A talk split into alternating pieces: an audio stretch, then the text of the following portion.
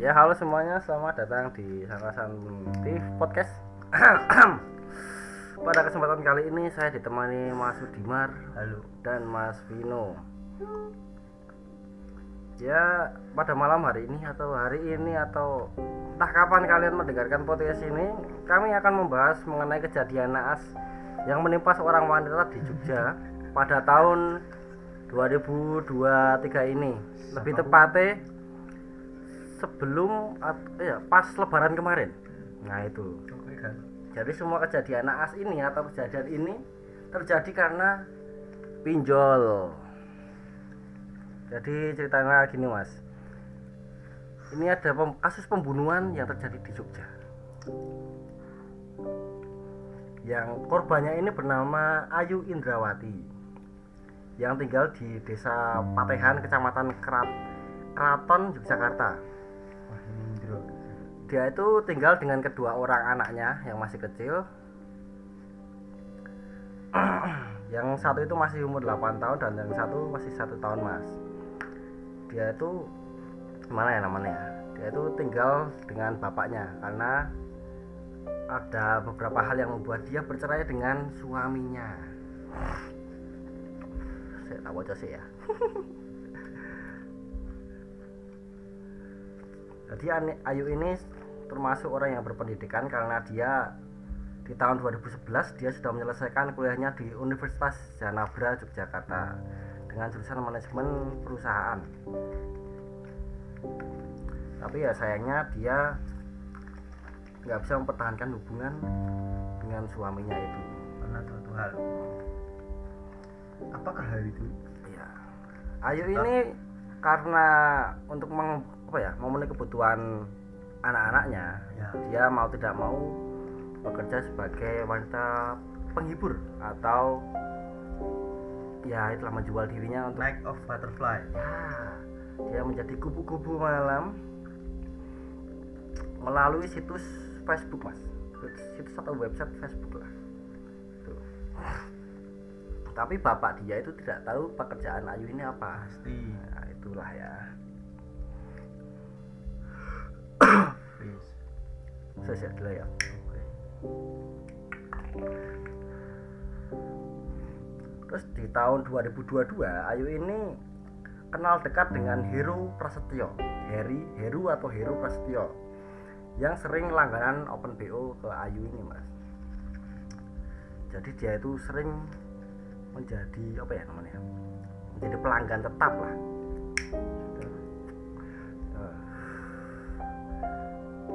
selang beberapa kali. Karena sering itu mas sering berhubungan atau sering menyewa jasanya Ayu. Mereka ini sering menjadi dekat. Menjadi dekat da- tapi nggak pacaran mas. Cuma apa ya namanya ya? Ya, cuma deket sedekat temen akrab lah. Sedangkan Ayu ini kan juga sudah punya pacar. Dan rencananya pas habis lebaran lebaran tahun ini dia itu mau dilamar. Tapi naasnya kejadian yang ini menimpa Ayu jadi tidak bisa terlaksanakan kejadian itu kejadian itu di mana ya lupa mas saya saya, saya. Bentar. oh kejadian itu bermula dari Heru yang Heru yang sering banget pin, apa ya pinjam online ke tiga situs satu tiga orang. Jadi kan semakin lama kan semakin membengkak. Untuk Oke. memenuhi bukan kebutuhan sih lebih tepatnya gengsinya dia. Jadi dia itu pinjol ke beberapa orang dan beberapa temen nih pinjam uang ke beberapa temennya. Sampai dia itu pun kayak udah lelah gitu mas. Dia pengen cari cara cepat untuk Ya, uang. punya uang dan apa ya namanya ya? Menutupi pinjol. Nutupi pinjol itu. Dia pun kepikiran sama Ayu ini. Mas Heru ini kepikiran sama Ayu. Dia itu terus akhirnya mengontak Ayu untuk meminjam uang.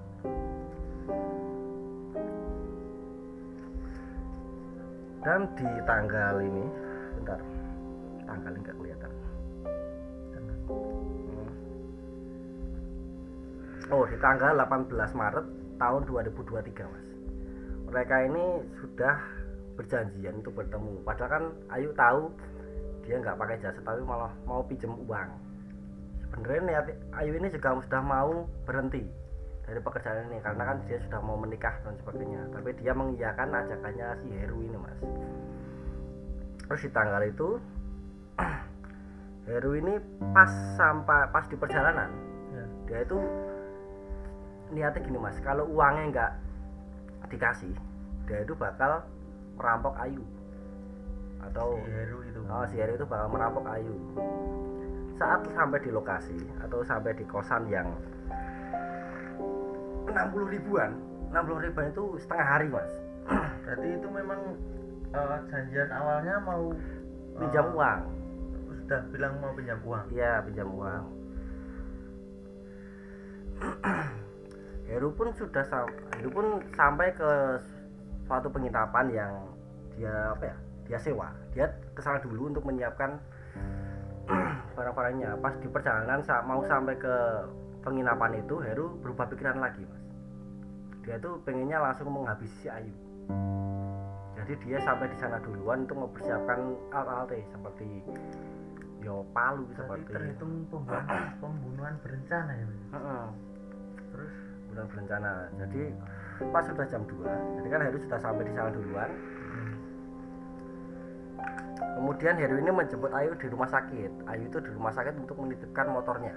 Hmm. nah, jadi dari sana jam 2 dibawa ke jalan-jalan dulu terus jam 3 mereka sampai di penginapan. penginapan. Bentar ya mas ya tulisannya banyak banget. Wah. jadi mereka di penginapan di nomor kamar 51 di Wisma yang cuma bayar 60 ribu.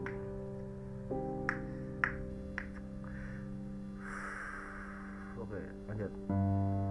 Jadi pas sampai di lokasi mereka itu sempat melakukan hubungan intim melakukan hubungan intim dulu. Kemudian Heru ini mengambil apa ya namanya ya balok besi.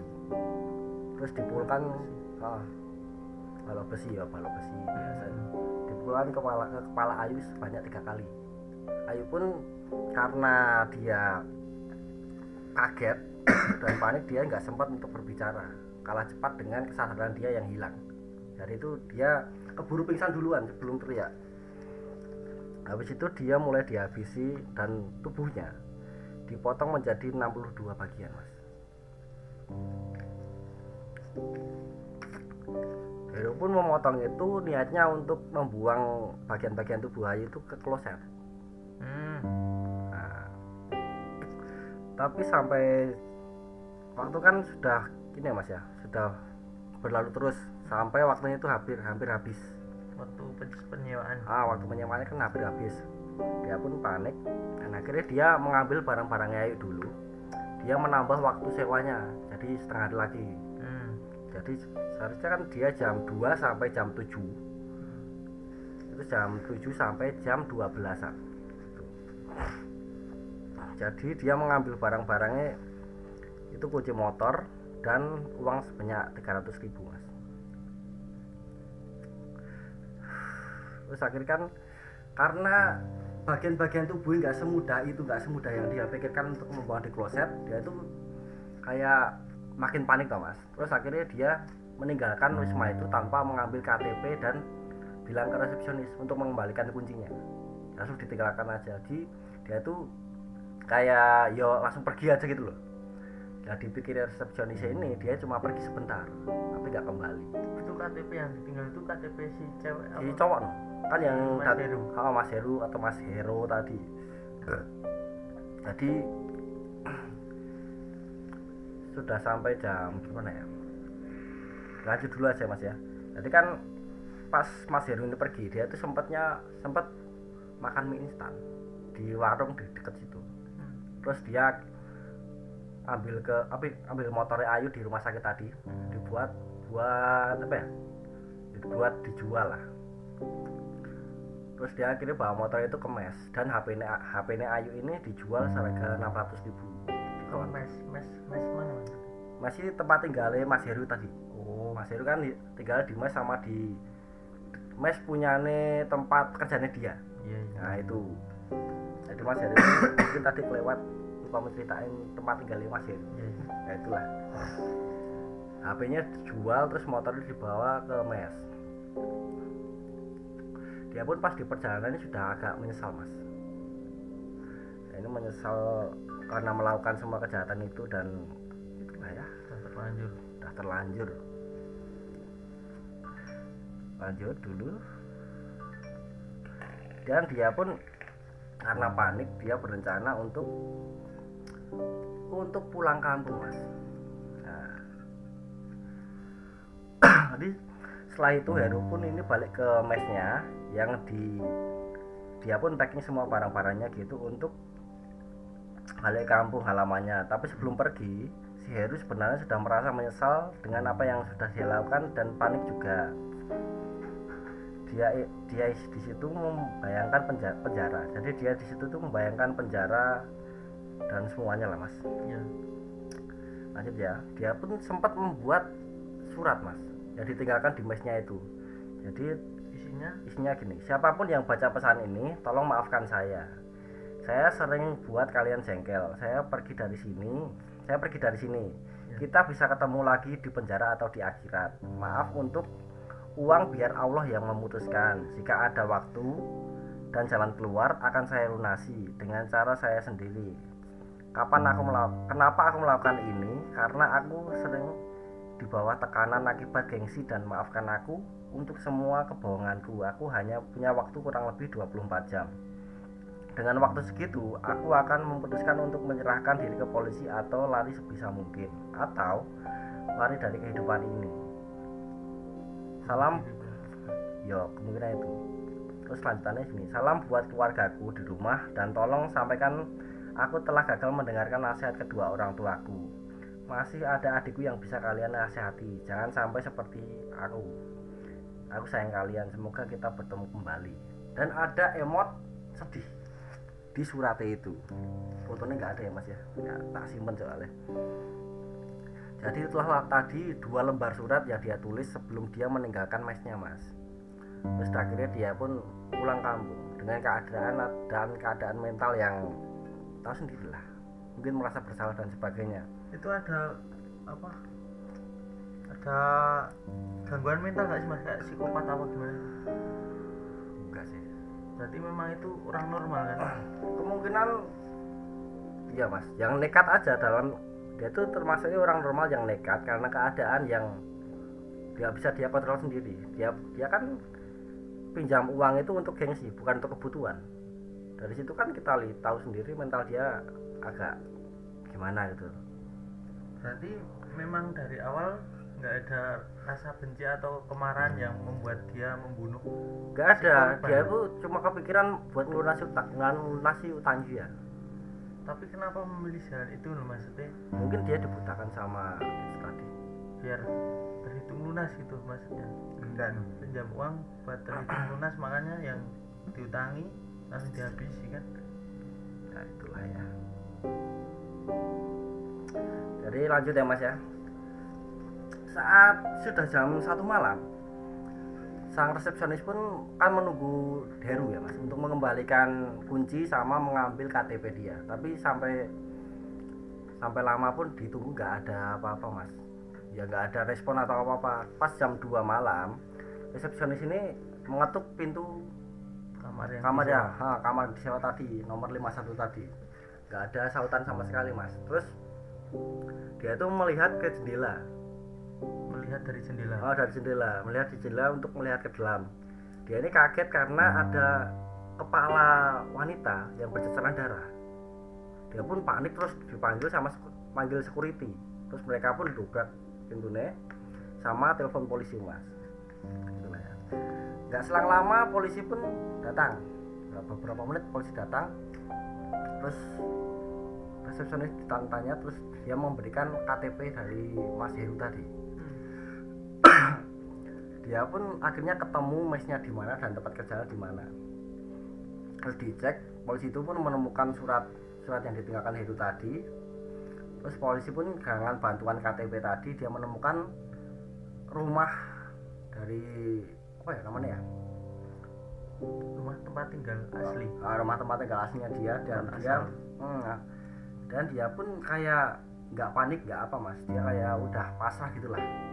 Karena menunggu menunggu polisinya itulah berarti itu si Mas Heru sudah di rumah? Heeh. dan polisi sudah sampai ke rumahnya? Iya.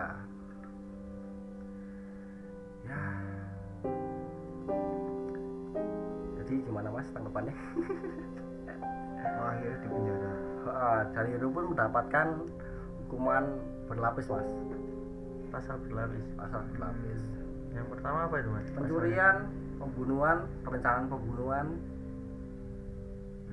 itu sudah masuk di apa namanya meja bundar itu? Sudah Mas. hukumannya apa mas? Hukuman mati mas. Mati. Iya.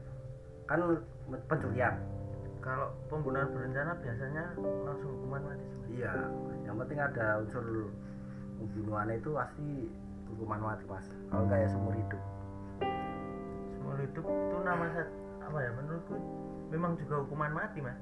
Kalau seumur hidup loh. Enggak seumur hidup itu 20 tahun mas oh cuma 20 tahun. Iya. Di sini loh ya. Di sini 20 tahun. Di Amerika 18 tahun. Tapi ya gimana lagi ya nggak bisa. Jadi intinya ya kalau jadi Mas Heru sih dilema sih mas. Dia kalah sama gengsinya karena kalah sama gengsi itu dia mencari jalan cepat untuk uang. Ya, sebaiknya kita bijak-bijak sebelum melakukan sesuatu. Apalagi ya hobinya kentung ya. Mas, gimana Mas Wino hmm, mengenai kisah ini atau cerita ini? Menurutku sih ya tragis sih. Cuma ya kembali lagi ke ke Mas Herunya karena dia kan sebenarnya orang yang istilahnya orang baik-baik kan karena lingkungannya kan terpengaruh itu. Jadi bukan lingkungan sih mas. Ya monggo dulu monggo dulu monggo dulu. Nah, nah, menurut nah diriku ya itu lebih ke lingkungan karena maksudnya lingkungan tuh kayak di tongkrongannya dia. Oh, terus iya. dia jadi kenal orang-orang yang istilahnya hype lah. Terus dia pengen hype cuma kan terus pinjol katakanlah gitu. Nah dari pinjol utang utang utang utang nggak bisa lunas Eh, cara instan gitu kan. Akhirnya eh, orang yang dulu pernah dia sayang hidup bersama sampai memiliki dua orang anak gitu kan harus meninggal tragis gitu kan. Di, di tangan dia sendiri. Ya. ini sih Pak, yang paling Miris sih. ya yang paling kasihan sih bapaknya sih mas. Soalnya kan bapaknya dia kan pas di rumah dia itu khawatir. Karena kan loh kok ayu jam segini nggak ada kabar? HP-nya dia kan juga agak aktif mas. Soalnya kan udah dijual itu. Hmm. terus dia kan bapak itu tanya-tanya sama saudara-saudaranya. Kira-kira di mana ya? Ini nggak pernah sih kayak gini baru pertama kali aja nggak ada. Terus dapat kabar dari kepolisian bahwa anaknya sudah kayak gitu dan bapak itu ngecek sendiri anaknya. Ya gitu. ah mules banget sih. Nah, apalagi kan si Heru kan maksudnya kan pikirannya kan udah buntu. Nah, ya mau nggak mau. Dia ngambil opsi ini kayak gitu sebenarnya kan kalau dia masih bisa berpikir jernih kan mungkin aja kayak lebih main cantik lah. Dalam artian main cantik ini eh, Ayu dirayu-rayu terus di ini biar ya kayak orang-orang yang mau morot-morotin gitu loh mas. Istilahnya aku butuh modal buat usahaku ini. Ayo kita balikan nanti kalau modal eh, modalnya bisa berkembang usaha bisa maju ayo kita rujuk gini gini gini istilahnya kan kayak gitu padahal untuk nutupi. Itu kan dalam artian kan main cantik kan kayak gitu. Cuma kan ya mungkin gini mas. Pikiran itu udah nggak ada. Karena dia nggak berpikir. Mungkin ada sekelas pikiran kayak gitu tapi dia itu mikirnya cuma butuh uangnya sekarang. Nah jadi itu. butuh uang besar langsung. Hmm. jadi langsung wah mana seumpamanya aku pinjam uang paling uangnya coba cuma beratus ratus ribu nggak sampai nutup utang aku pasti pusing besok besok besok besok. Gimana caranya besok langsung bisa itu apa ya bisa bisa langsung kemungkinan lunas dua orang atau tiga orang langsung lah. Gimana kalau di itu? Oke. ya mungkin gitulah cara pikirnya lah bisa lah. Ya mungkin 20 menit. Ya mungkin cuma segitu saja kisah dari kisah tragis. ah nggak bisa. Soalnya kan ini terlalu tragis ya. Biasanya horor-horor santai-santai. Tegang ya tegang. Tapi ini ya. Maksudnya si pelaku iya menurutku si pelaku ini ada etiket baik juga di situ kan. Atau kan sempet tanya kan apa dia psikopat? Kalau psikopat kan mungkin tulisan-tulisan itu tadi cuma bisa dikatakan air mata buaya enggak enggak enggak. Nah, dia itu kan benaran dia biasa. orang normal kan? Mungkin itu karena sudah dibutakan oleh Ya keinginannya. Ah, Ya udah itu. Ya. Mak, menurutku nggak bisa berkata mas. Ya Lah, itulah ya. Ya udah. Maaf juga kalau pembawaan cerita saya terlalu belepotan. Saya ini nggak agak kurang hafal sama apa ya urutan ceritanya. Dan saya pun masih membaca tadi. Maaf jadi ya eh, keluarga dari Mbak Ayu kami mengucapkan sungkawa. duka sedalam-dalamnya iya. Ya untuk si pelaku semoga dihukum seadil-adilnya. Ya ya udah mungkin itu saja cerita untuk pada malam hari ini. Terima kasih bagi kalian yang mendengarkan podcast ini sampai selesai. Selamat malam dan semoga mimpi indah